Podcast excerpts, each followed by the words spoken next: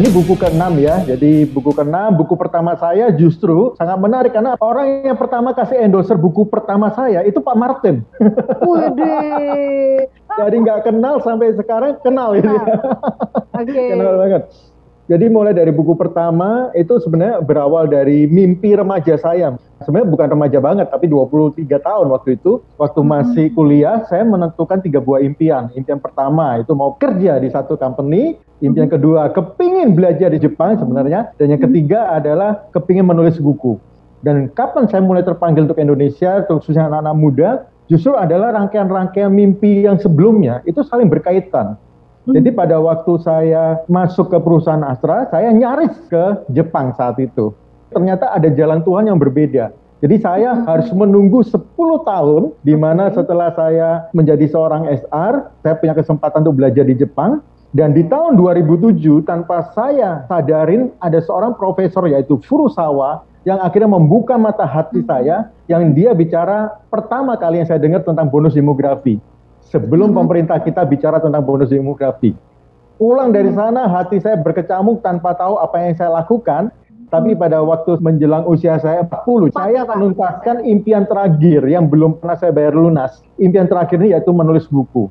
Awalnya cuma kepingin menulis buku, tapi di sana Ya. proses penulisan mengingatkan banyak seperti puzzle dalam hidup saya, dan saya diingatkan bahwa apa kata Profesor Jepang di tahun 2007, apa yang pernah kamu tulis pada waktu kamu kuliah, dan segala macam akhirnya saya terbeban untuk anak muda khususnya untuk persiapan bonus demografi di tahun 2030.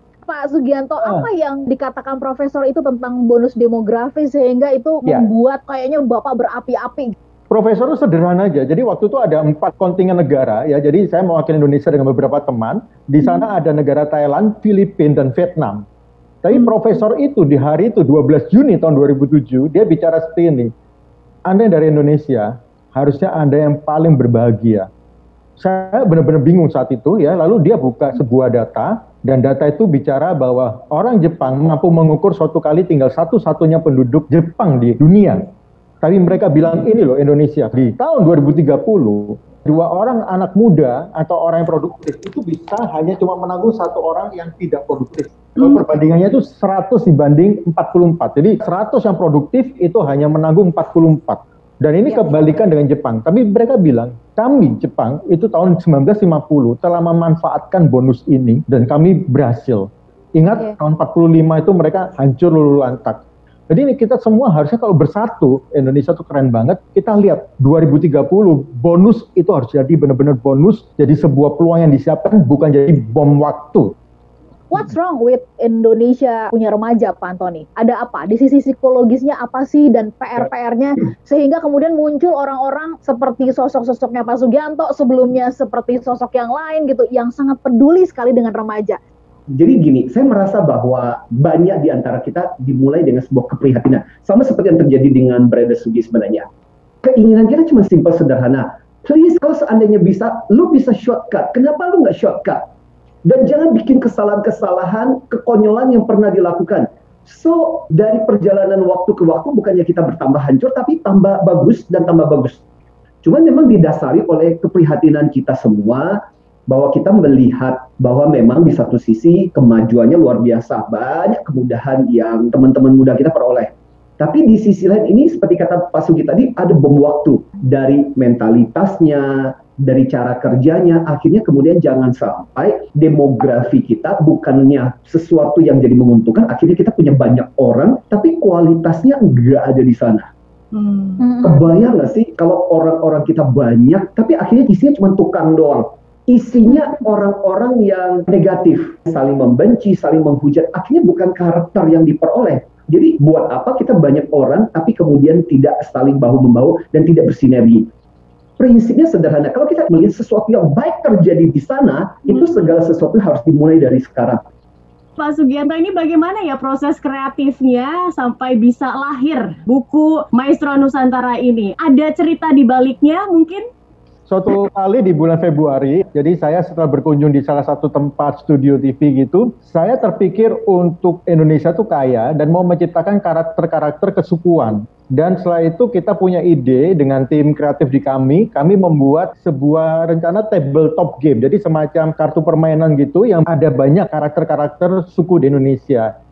Saya juga terinspirasi dari mentor saya juga, sahabat gitu ya, Pak Antoni. Pak Antoni itu suka bicara tentang psikologi itu dari berbagai macam hal. Saya ingat salah ya. satu buku yang menarik itu bicara tentang monster emosi. Saya langsung gini kepikir ya, ini kalau karakter unggul doang Indonesia mau dilawankan apa yang kira-kira seru akhirnya kita pakai di dalam buku penulisan ini metafora Indonesia tuh punya banyak demit-demit kita bicara urban legend mulai dari okay. pocong, tuyul, kuntilanak, genderuwo ya, ya, ya, ya. dan sahabat-sahabatnya ya, ya, ya. dan itu kita kulik dan dipertemukan tapi dalam kemasan anak zaman now dengan masalah-masalah kegalauan kalau nggak ada pandemi maka nggak ada cerita buku ini jadi ya. justru karena pandemi, permainan game saya saya hentikan karena nggak bisa dicoba langsung gitu ya tapi kita berfokus ke sini dan saya mulai ngelihat siaran-siaran YouTube yang ada beredar disukai anak-anak muda itu seperti apa.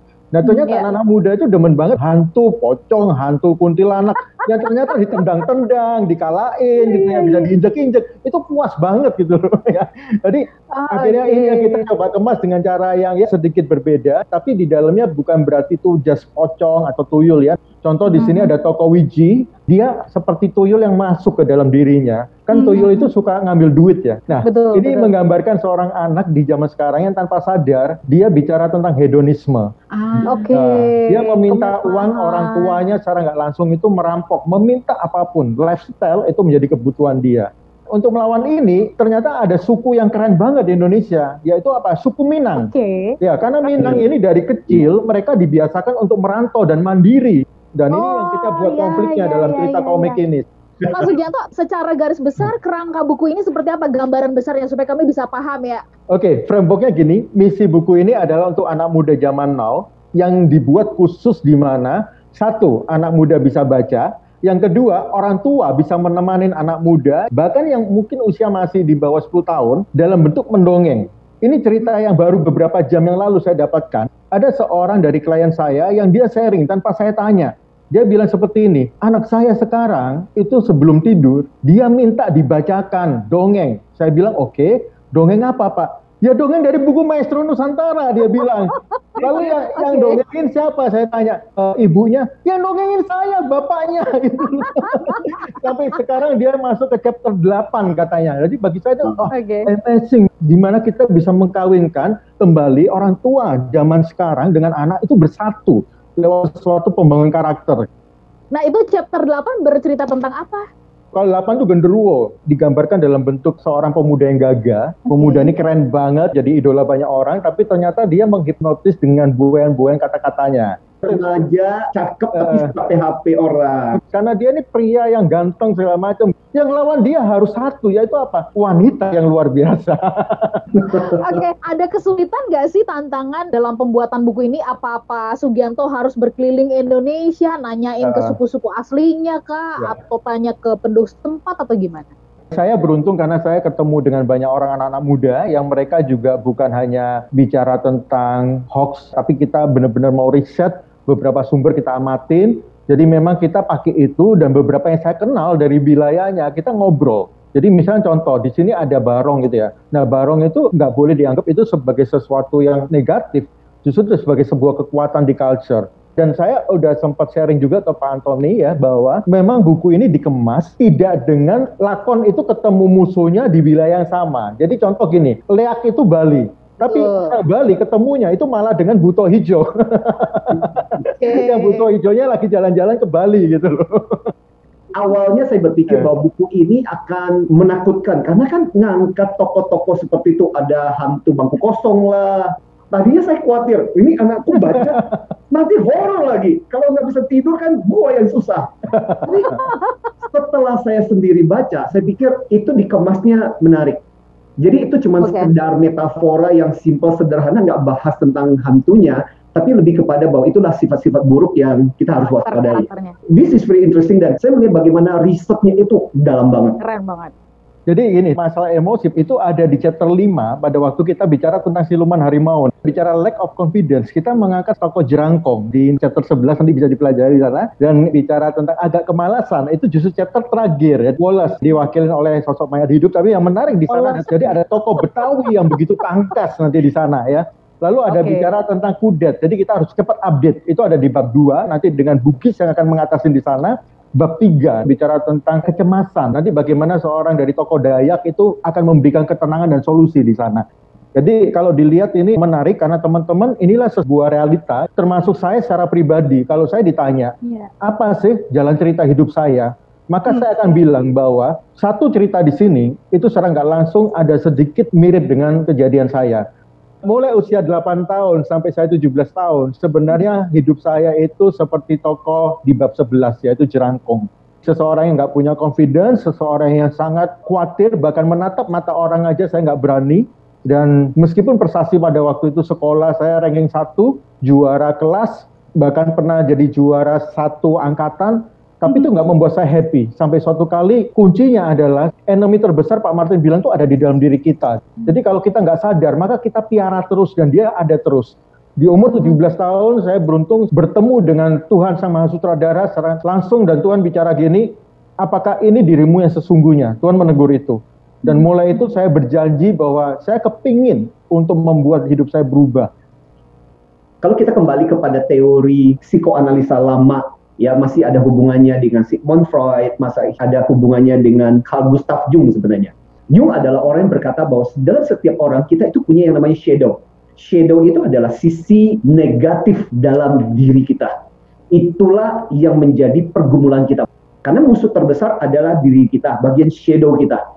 Kita mau sukses, kita mau berhasil, tapi ada sisi kita yang mengatakan, ah masa sih nggak mungkin, ah, ngaca dong, jadi kalau kita bisa menyimpulkan, kalau saya mau menggunakan lima jari kita ini untuk menggambarkan problem tantangan terbesar kita dan bagaimana kita melewatinya. Satu itu jempol. Jempol itu melambangkan confidence. Problem terbesar adalah orang-orang yang selalu mengatakan aku nggak bisa, aku nggak mampu. Seperti kata testimonial yang keren dari Berada Sugi bahwa ternyata bisa mencapai dan menulis buku seperti ini orang berpikir lo pasti keren, tapi orang nggak tahu lihat perjalanannya maka pertanyaan adalah bagaimana kita belajar untuk yakin dengan diri kita sendiri, percaya bahwa kita punya kemampuan.